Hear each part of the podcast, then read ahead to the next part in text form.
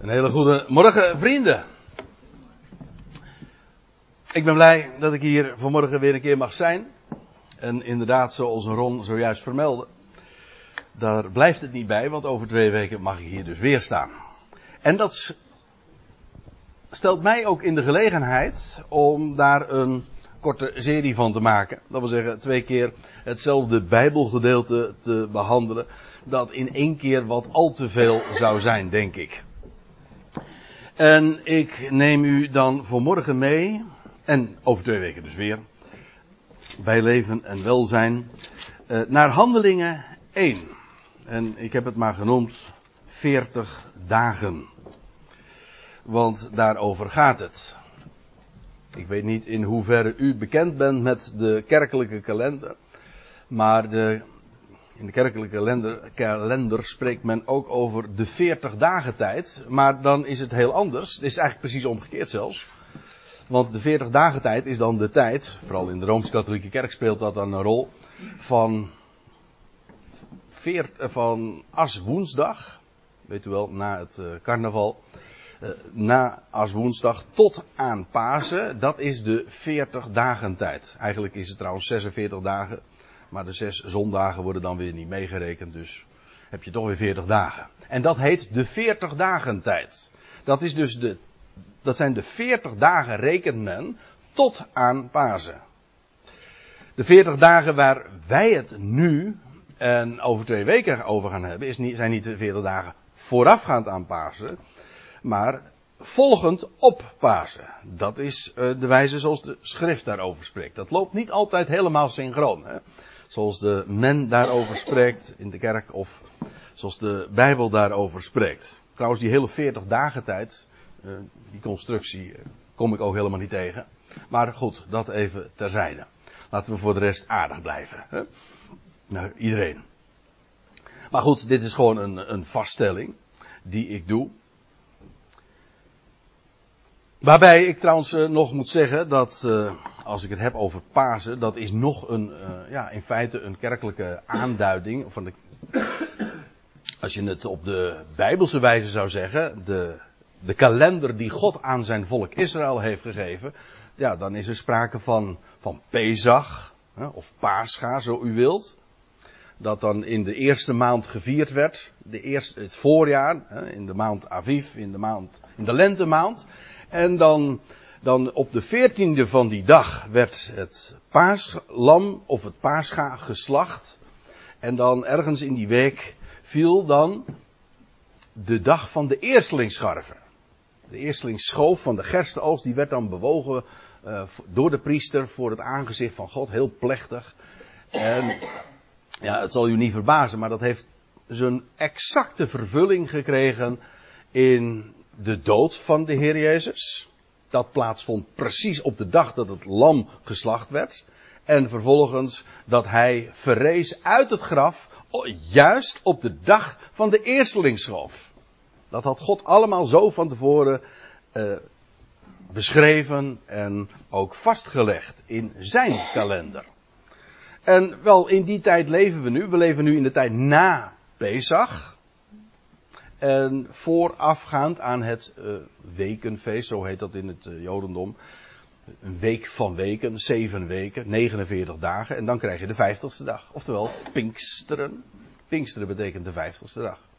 Nou, over die periode tussen Pesach en wekenfeest, Shavuot, als u het op zijn Hebreeuws zegt. Of als u zegt van nou, ik hou het toch maar gewoon bij de dagen die ik ken, tussen Pasen en Pinksteren. Nou, over die periode gaan we het hebben. Hoewel, die periode is natuurlijk 50 dagen. En waar we het nu over gaan hebben is de 40 dagen, de dagen dat de Heer nog hier op aarde was. Tussen zijn opstanding en zijn definitieve, tussen aanhalingstekens, hemelvaart. Dat was een periode van 40 dagen. En wat vond daar zo al plaats in die periode? En ja, dan moet je wezen bij Lucas. Lucas, degene die het boek Handelingen heeft geschreven. Nou, laten we daar eens naartoe gaan. Want ik kan natuurlijk wel allerlei dingen vertellen, maar ik wil u gewoon bepalen bij, zoals Lucas dat ooit heeft opgetekend. En dan begint hij eh, te zeggen, dat is het begin van het boek, wat wij dan handelingen noemen. Eh, het eerste verslag inderdaad, eh, deze, dit is een vertaling die zo dicht mogelijk op die interlineair volgt, deze woord voor woord weergave, dus het wijkt soms wat af van uw NBG of Statenvertaling, maar dat moet u maar even voor lief nemen. het eerste verslag inderdaad maakte ik, o Theophilus. Theophilus, dat is die man aan wie hij zijn boek opdraagt. Of voor wie hij het verslag op schrift heeft gesteld. En hij zegt daarmee, hij verwijst daarmee naar een eerder verslag. Mijn eerste verslag uh, maakte ik, o Theophilus. Theophilus is een mooie naam hoor. Ja, ik zeg niet dat het een goede tip is om uw kind zo te noemen. Want in het Nederlands zal dat toch wat vreemd over. Ik denk niet dat mijn kinderen blij zouden geweest zijn met de naam Theophilus. Maar als je het hebt over de betekenis van de naam. Theo betekent God. En, en dat Philus, dat heeft te maken met liefhebben. Houden van. Een liefhebber van God. Nou, alsjeblieft. Wie ben jij? Nou, wat je ook over mij kan zeggen, maar ik ben een liefhebber van God. Huh? Sommigen zeggen trouwens ook dat het uh, een, uh, een, soort van dagboekpersoonlijkheid uh, is, zo van lieve beste of lieve Kitty. Hè? Maar goed, ja, ik weet niet of, begrijpt u deze grap? Of nou grap. Anne Frank, ja, ja die draag, droeg haar boek op aan Kitty, maar dat was een denkbeeldige persoonlijkheid. Daar gaan we het nu even niet over hebben. Hij had zijn boek zijn verslag op schrift gesteld voor Theophilus. En dat is, nou, daarmee doelt hij op het evangelie naar Lucas.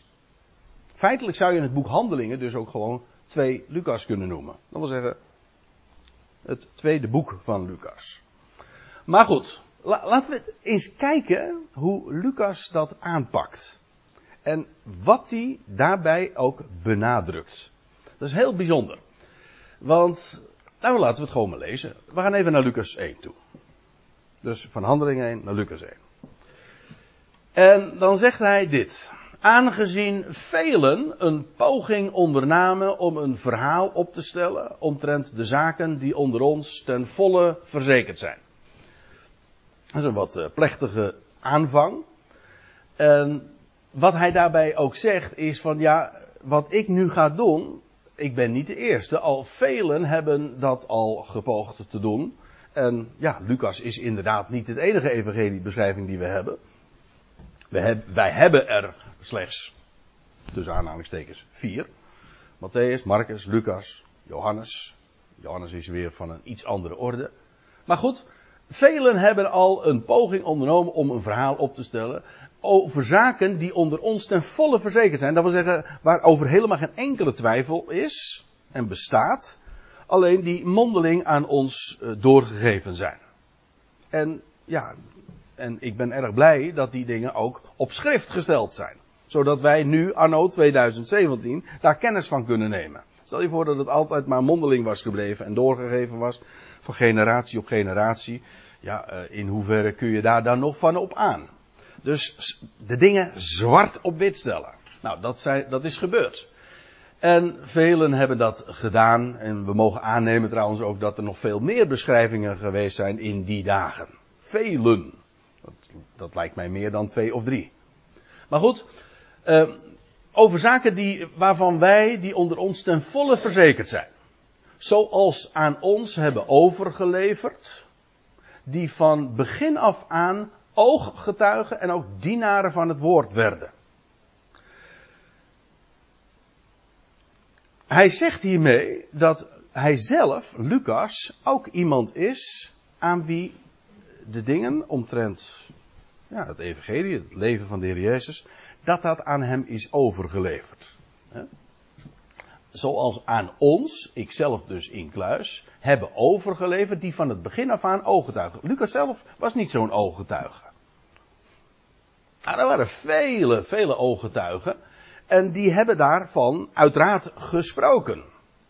En er zijn vele ooggetuigen. En ja, en als al die ooggetuigen uh, verslagen met elkaar overeenkomen, ja, dan, is dat, daar bestaat, dan bestaat daar geen enkele twijfel over. Hè? Bij één of twee getuigen zal een zaak vaststaan. Nou, er waren vele ooggetuigen en die hebben erover gesproken. Dus er was een hele, ja, een hele gemeenschap, een hele community ontstaan natuurlijk.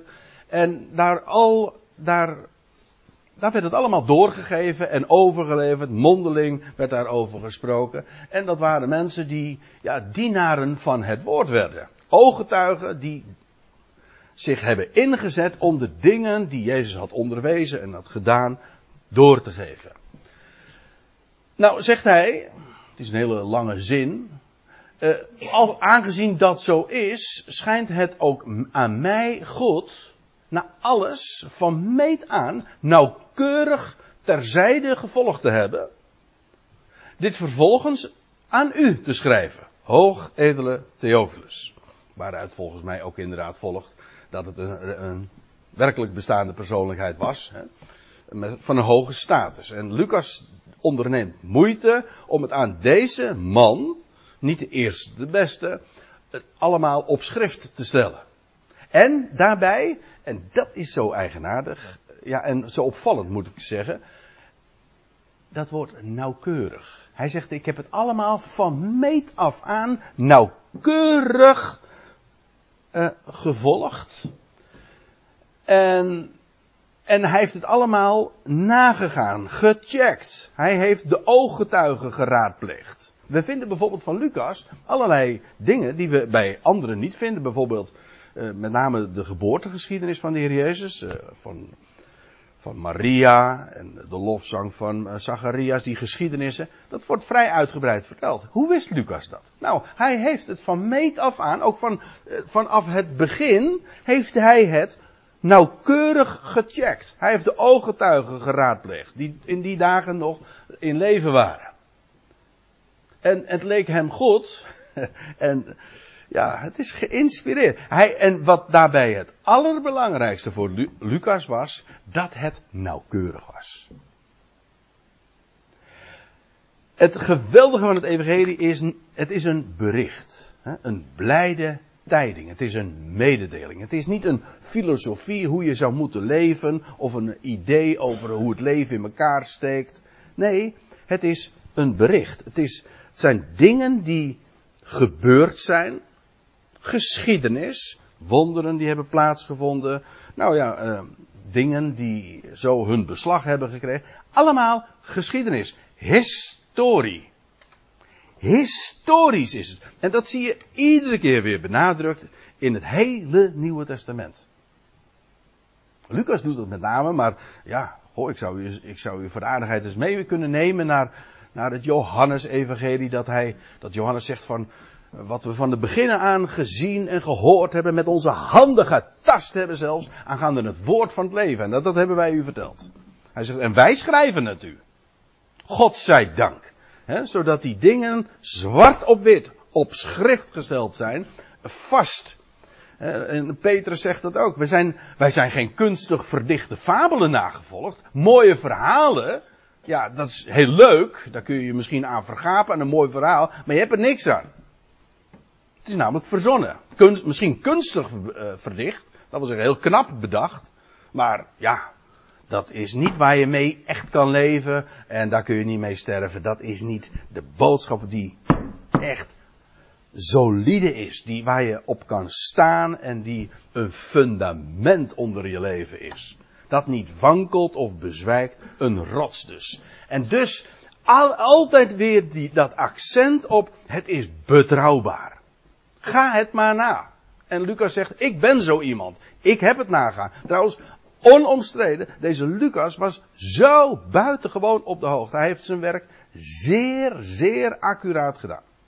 En nog steeds vriend en vijand, ik bedoel ook de vijanden van de Bijbel, die kunnen één ding niet ontkennen. En dat is die Lucas zo enorm nauwkeurig te werk is gegaan. Als die bijvoorbeeld ook beschrijft over uh, ja, als hij bijvoorbeeld een termijn aangeeft of zegt van het was in die dagen en dan zegt hij nou toen was die viervorst over Syrië en dat was net in die dagen dat hij uh, uh, keizer was, nou et cetera.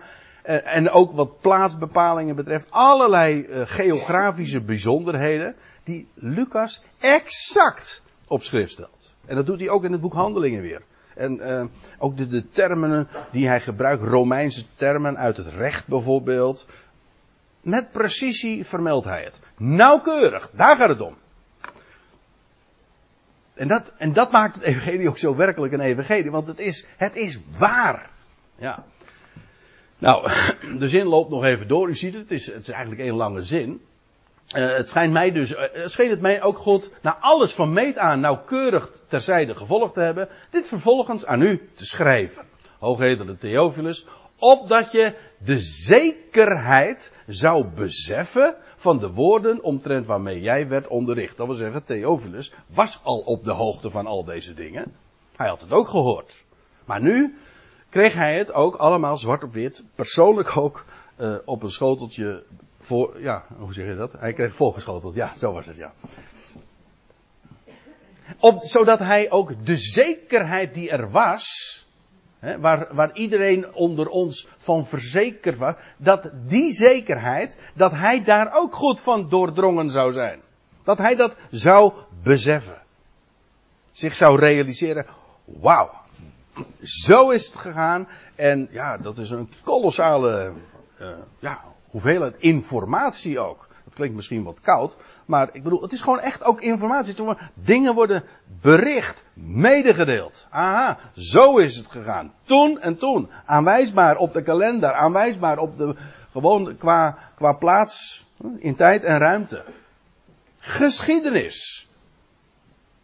Dus het hangt niet in de lucht. Nou, eigenlijk is dit, de hele introductie van het Lucas-evangelie niks anders dan één grote uh, nadruk en uh, het leggen van het accent op historie, geschiedenis. Nou, ik hoop dat dat inmiddels al duidelijk is geworden.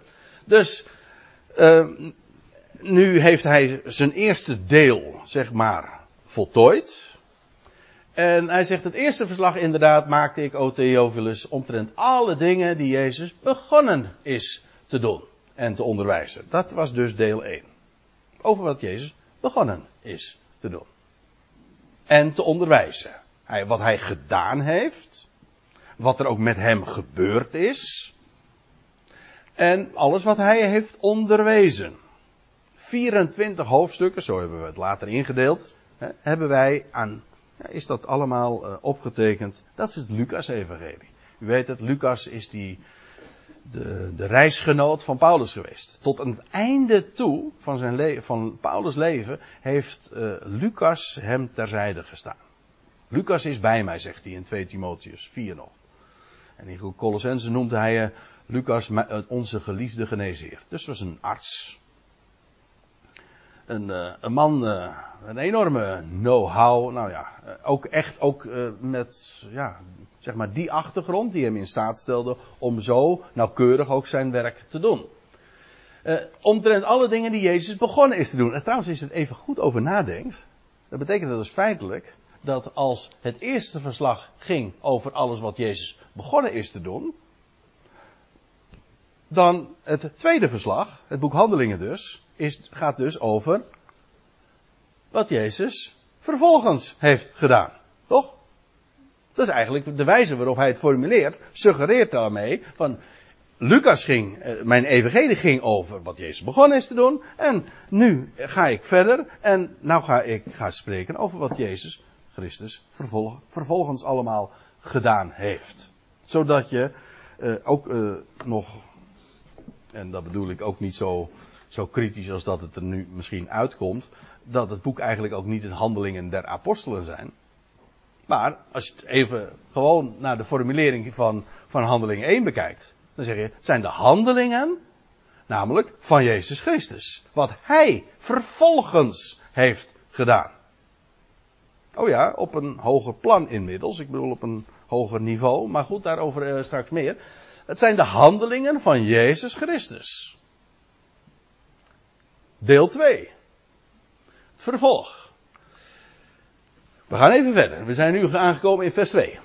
Uh, tot op de dag dat hij, Jezus, werd opgenomen. Aha. Dus het eerste verslag, dat ging over wat Jezus is begonnen is te doen en te onderwijzen. Tot op de dag dat hij werd opgenomen. En dat klopt. Kijk maar na. Lucas 24 eindigt feitelijk waar handelingen 1 begint. Uh, dat is die periode feitelijk is ook de overlap. Die dagen, die 40 dagen waar we het deze zondag en over twee weken over hebben, dat is eigenlijk de overlap tussen Lucas, Lucas 24 en Handelingen 1. Kijk maar na in Lucas 24, dan lees je ook inderdaad dat de Heer Jezus is opgestaan en vervolgens ook, het is niet uitgebreid, maar hij zegt het een en ander over wat daar vervolgens is gebeurd. Tot op en ook zijn hemelvaart wordt in Lucas nog vermeld. Nou, dat zegt, dat zegt hij hier ook. Tot op de dag dat hij werd opgenomen.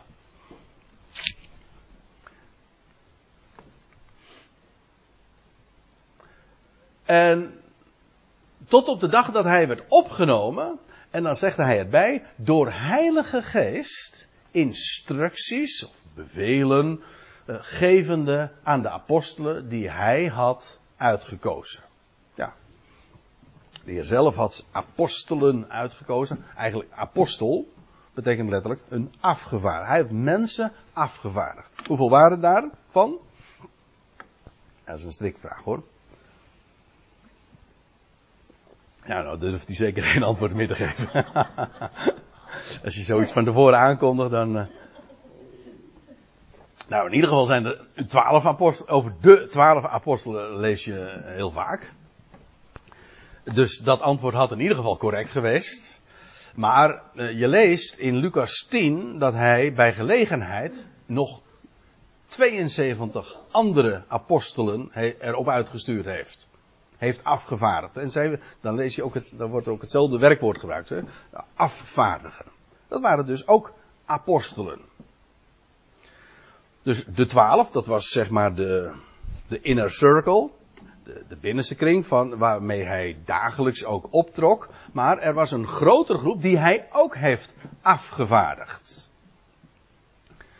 En je leest ook in, het is heel opmerkelijk, maar in 1 Korinthe 15 dan lees je ook dat, uh, dat Paulus schrijft over uh, dat de Heer Jezus op de derde dag is opgewekt. En, dan staat en hij, is, uh, hij is verschenen aan Kefas. En dan noemt hij zo allerlei, bij al, allerlei gelegenheden. Zegt hij, hij is Jacobus verschenen, aan, aan de twaalfen, aan de twaalf. En dan zegt hij, en vervolgens, en, en aan al de apostelen.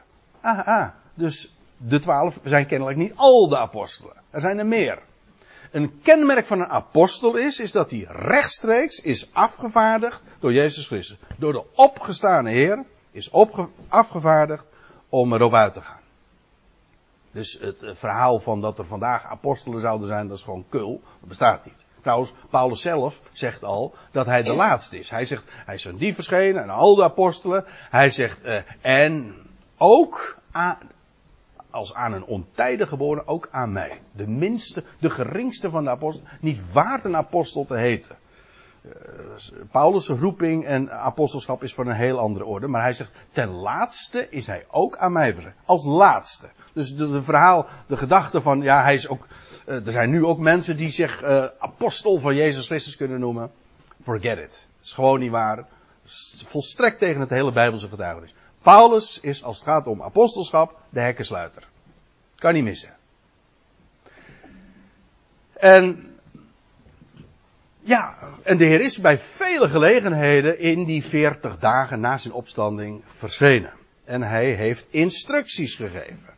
En er staat er door Heilige Geest. De eerste dag ook dat hij verschijnt in hun midden, dan, dan blaast hij op hen en hij zegt: Ontvang mijn geest. Dat was dat nieuwe leven. Dat nieuwe leven wat die dag juist ook aan het licht is gekomen. Door Heilige Geest instructies gevende aan de apostelen die hij zelf had uitgekozen. Trouwens, de kring was nog veel uitgebreider hoor, maar die worden niet allemaal eh, apostelen genoemd. Je leest dat hij ook een keer bij één gelegenheid aan 500 broeders tegelijk uh, is verschenen. Dus ooggetuigen, plenty. Dus Lucas, ja, die had wat dat betreft voor het uitzoeken. Nou ja, misschien dat hij, dit was inmiddels, toen hij dit op schrift stelde, was het inmiddels al enige decennia verder. Dus ja, toen waren er inmiddels ook alweer ooggetuigen overleden, dat kun je je voorstellen.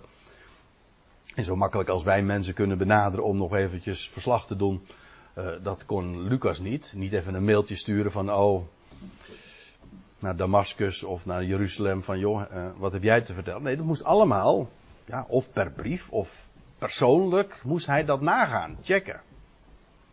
Afijn. Tot op de dag, daar ging het eerste verslag over, dat hij werd opgenomen door Heilige Geest instructies gevende aan de apostelen, de afgevaardigden, die hij zelf had uitgekozen.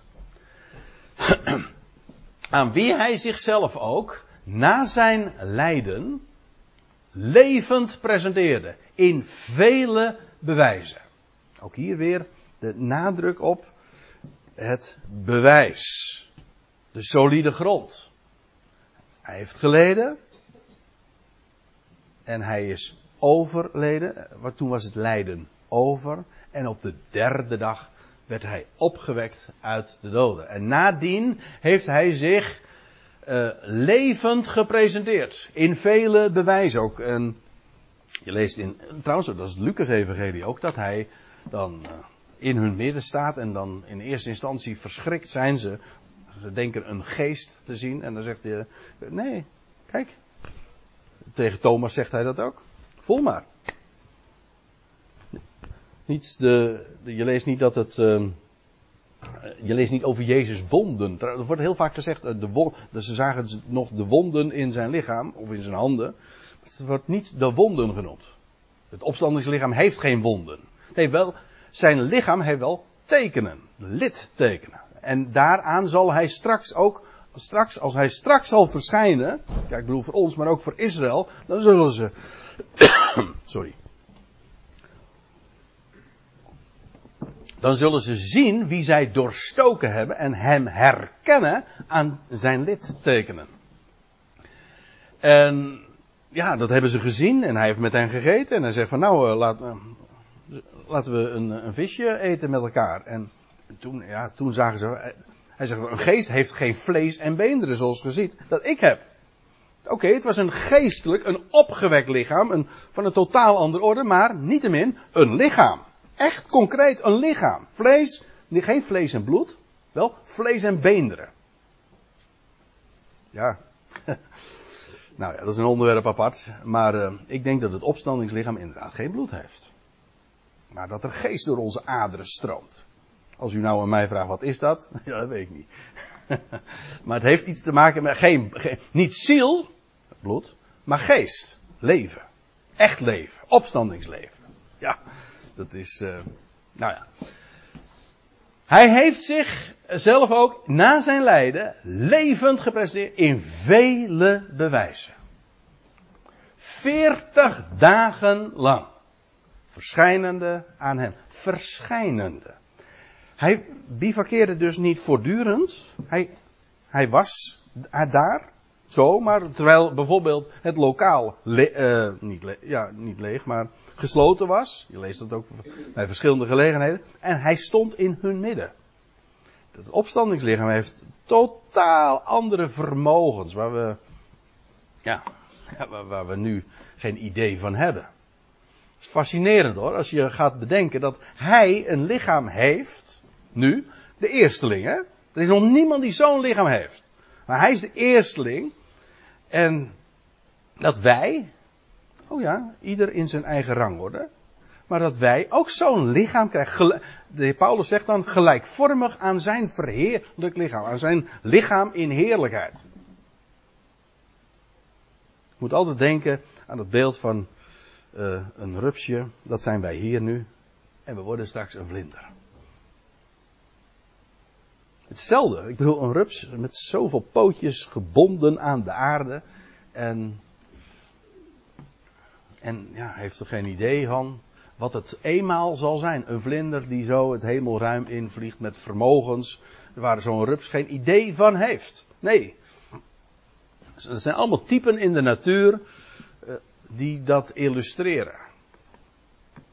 Of een, uh, zo'n waterkever die later een libelle wordt. Kun je het je voorstellen? Kun je het je voorstellen met een libelle? Hm? Nee, maar het gebeurt. Ik bedoel, de natuur heeft tal van dat soort metamorfoses uh, laten zien. In ieder geval, de Heer verscheen. Hij verscheen bij tal van gelegenheden. En dat deed hij 40 dagen lang. Nou, daar hebben we het al even over gehad. En ja, die termijn. Ja, u ziet een hele rit schriftplaatsen. Dat is om u even te imponeren. Want we gaan ze namelijk toch niet eventjes uh, allemaal na. Want waar je allemaal die termijn vindt in de Bijbel. Van 40 dagen. Ja, ook van 40 jaren natuurlijk ook. 40. Nou, nee, 40 weken niet. Ja, die termijn kennen we wel. Dat is dan de duur van de menselijke zwangerschap. Dan begint het leven pas, u weet wel. Na het leven, het leven begint bij de 40. Maar goed, ik weet even niet of dat in de Bijbel ook genoemd wordt, 40 weken. Die parkeren we dus even. Maar in ieder geval 40 uh, eh, dagen. 40 dagen. Ik, waar kent u dat van? Noem eens, noem eens een voorbeeld. Help mij eens. Met Jezus in? Ja, dat de verzoeking van de Heer Jezus in de woestijn. Was 40 dagen. Elia was 40 dagen ook in de woestijn. Uh, van Mozes lees je dat hij 40 dagen op de berg vertoefde. Jacob na zijn sterven werd 40 dagen lang gebalsemd. Genesis 50. De verspieders die in het land waren. 40 dagen lang. Nou ja, eh, ik, ben niet, ik heb hier maar enzovoort geschreven, want het, is nog veel meer hoor. De periode van 40 dagen speelt een grote rol. Eén vind ik heel erg bijzonder. Uh, die wil ik in dit verband ook even noemen. Nou, er zijn er eigenlijk twee. De volgende, de, over twee weken hoop ik er nog een voorbeeld te geven. Nummer 13. Maar nu ga even naar Genesis 8. Dat is eventjes. Daar lees je dat hij, uh, van de Genesis 8, de geschiedenis van de zondvloed. Staat er dat op de zevende maand, de zeventiende dag van die maand, dat de ark vastliep op de berg Ararat. Dat was de eerste dag dat de ark vaste grond kreeg. Nou moet ik, ik ga het niet bewijzen, want dat is, als ik dat zou gaan doen, dan ben ik weer een kwartier verder. Maar die dag komt exact overeen met de dag, de datum bedoel ik, van de opstanding van de Heer Jezus. Dus de dag dat de ark daar in de doodswateren, want dat was toch de zondvloed. Dat die ark vast, dat de ark vaste grond vond. Dat wil zeggen, in de doodswateren vond daar, ja, was daar die plek, Ararat. Ararat betekent trouwens de omkering van de vloek. Wat dacht je daarvan?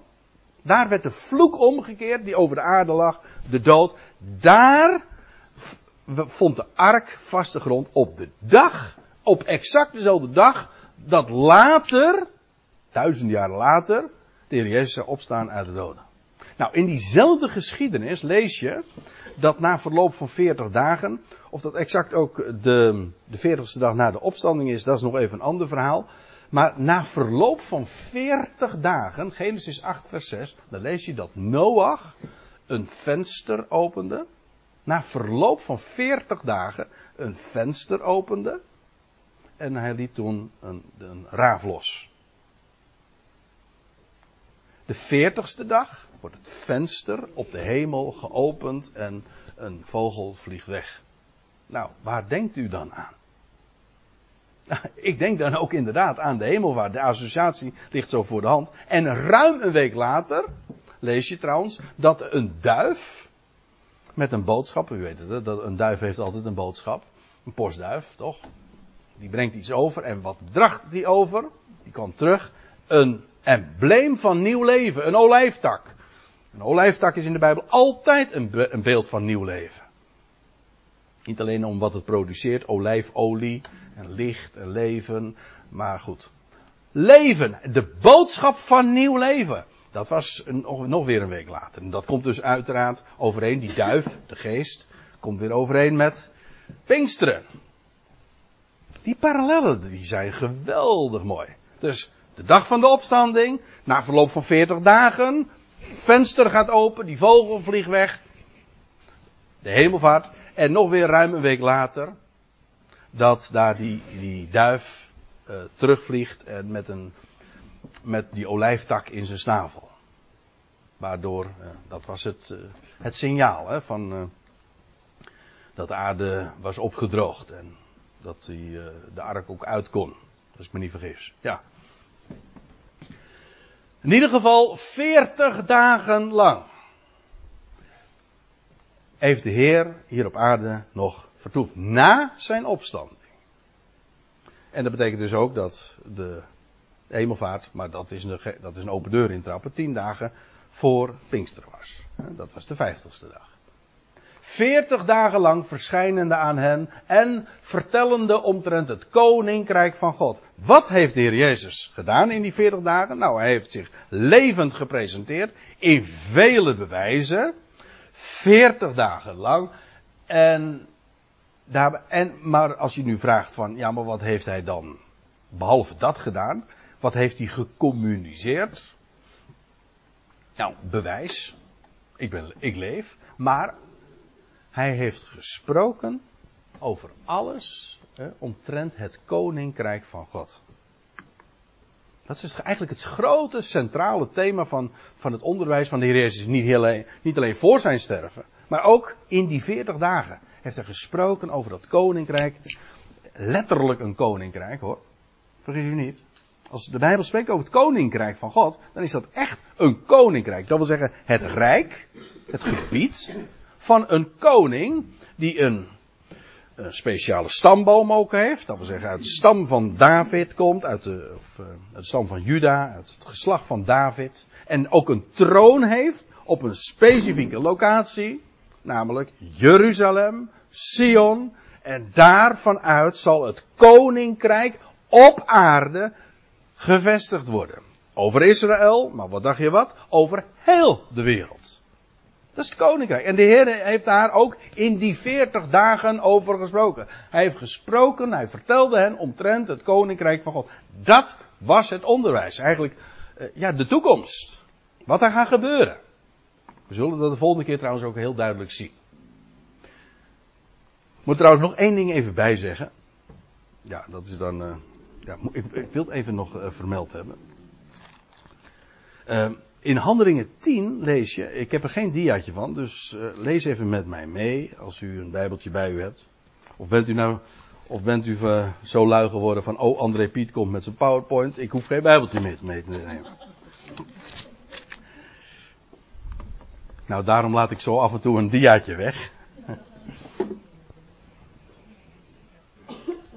Nee, in Handelingen 10 lees je dat uh, Petrus in het huis van Cornelius is, daar aan het, uh, de grens van het land. En dan staat er, als Petrus dan het woord neemt, dan. Nou, ik begin even te lezen in vers 38. Nee. Uh, vers 39. Wij zijn, Petrus zegt, getuigen. Kijk, Petrus was echt zo iemand, echt een ooggetuige. Lucas niet, maar Petrus wel. Wij zijn ooggetuigen. Wacht ervoor. Van al hetgeen hij gedaan heeft in het land der Joden, zowel als te Jeruzalem. En zij hebben hem, Jezus, gedood door hem te hangen aan een hout. Hem heeft God ten derde dagen opgewekt. Zij doden hem, God heeft hem opgewekt op de derde dag. En heeft gegeven, let op, dat hij verscheen niet aan het hele volk, doch aan de getuigen die door God tevoren gekozen waren, aan ons die met hem gegeten en gedronken hebben. Nadat hij uit de doden was opgestaan. Aha, het is weer diezelfde periode. Nu spreekt Petrus erover. Maar het gaat me even om dit ene punt. Dat hij zegt, hij is niet verschenen aan het hele volk. Had de Heer Jezus ook gezegd, de wereld ziet mij niet meer. Maar jullie zullen mij zien. Niet, ja, hè? Oh, sorry. Nee, is achtergrondmuziek. Gewoon, uh, dat is mooi. Hè? Nee, geen duveltje, Ankie. Maar niet aan het volk. Het volk zal hem weer zien. En je zou je kunnen vragen, afvragen van, maar stel je voor nou dat de Heer was verschenen. Wel aan het hele volk. Hm? Dat gaat hij doen. Ja, dan, als hij dat gaat doen, ja, dan zal men ook inderdaad. Ja, dan zal het koninkrijk ook daadwerkelijk aanbreken. En overtuigd zullen zij worden. Ja, echt wel. Want ze zullen zien wie zij doorstoken hebben. Net als Thomas, ja, komen zij tot geloof, tot erkenning, doordat ze zien. Wij niet. Wij, hebben, wij, hebben, wij geloven, namelijk omdat het zwart op wit staat en we geloven niet zomaar. Het hangt niet in de lucht, zo bedoel ik het niet. Maar ik bedoel, we hebben hem niet gezien. Wij zijn geen ooggetuigen. Afijn, hij heeft toen gesproken over het, uh, over het koninkrijk van God. En nog, nog één vers. En terwijl, en terwijl zij bijeenkwamen, dat is, ik mag aannemen, de veertigste dag. Dat blijkt ook uit het verband. Dus de laatste dag, de dag dat hij werd opgenomen. Waarschijnlijk om te eten, want het woord wat gebruikt wordt is eigenlijk het woord voor eten, een maaltijd. Samen zout gebruiken. Nou ja, eh, gaf hij hen de opdracht niet uit Jeruzalem te vertrekken. Dat waren ze kort tevoren nog wel. Ze waren bijvoorbeeld bij het meer van Galilea nog geweest om te vissen. Maar hij zegt, hij gaf hen de opdracht niet uit Jeruzalem te vertrekken, maar te blijven wachten op de belofte van de Vader die jullie van mij hebben gehoord. Jullie, welke belofte dan? Nou, want Johannes inderdaad doopte in water. Maar jullie zullen worden gedoopt in Heilige Geest. Niet vele dagen na deze. Dat was de belofte die op de vijftigste dag, niet vele dagen na deze, tien dagen later dus, in vervulling zou gaan. Ze zouden gedoopt worden. Ja, niet in water.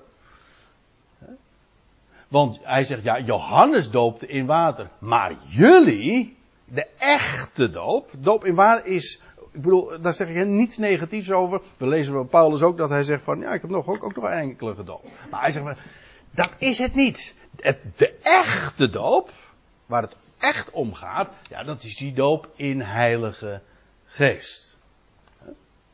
Maar jullie zullen worden gedoopt in Heilige Geest. Je leest in, in de Evangelie dat, uh, dat Johannes zegt: Ik doop u in water tot bekering. Maar hij die na mij komt, die sterker dan ik, ik ben niet waardig zijn schoenen na te dragen, die zal u dopen in Heilige Geest en in vuur. Dat is trouwens ook nog weer een verwijzing naar de Pinksterdag, als het mij vraagt.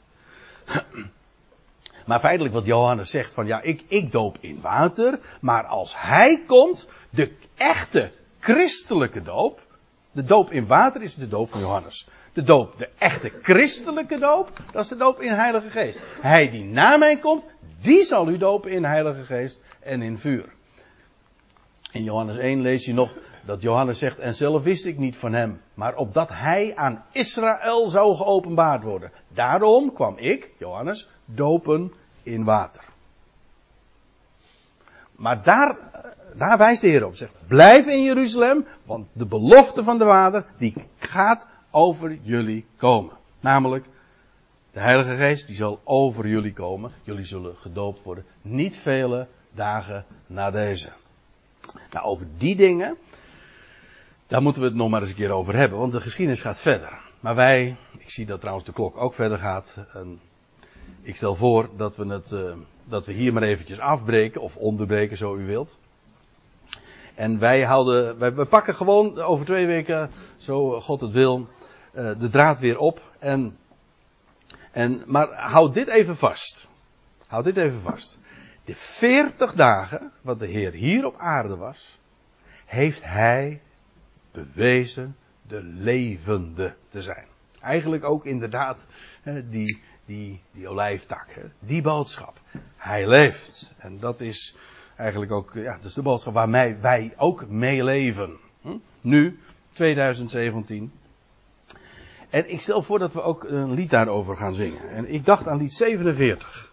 En dat verandert namelijk alles. Het feit dat de eersteling uit de doden is verrezen, dat verandert niet alleen ons leven vandaag, maar dat, onze hele, dat geeft ons toekomstvisie. Omdat Hij leeft, ben ik niet bang voor morgen. Omdat Hij leeft, mijn angst is weg.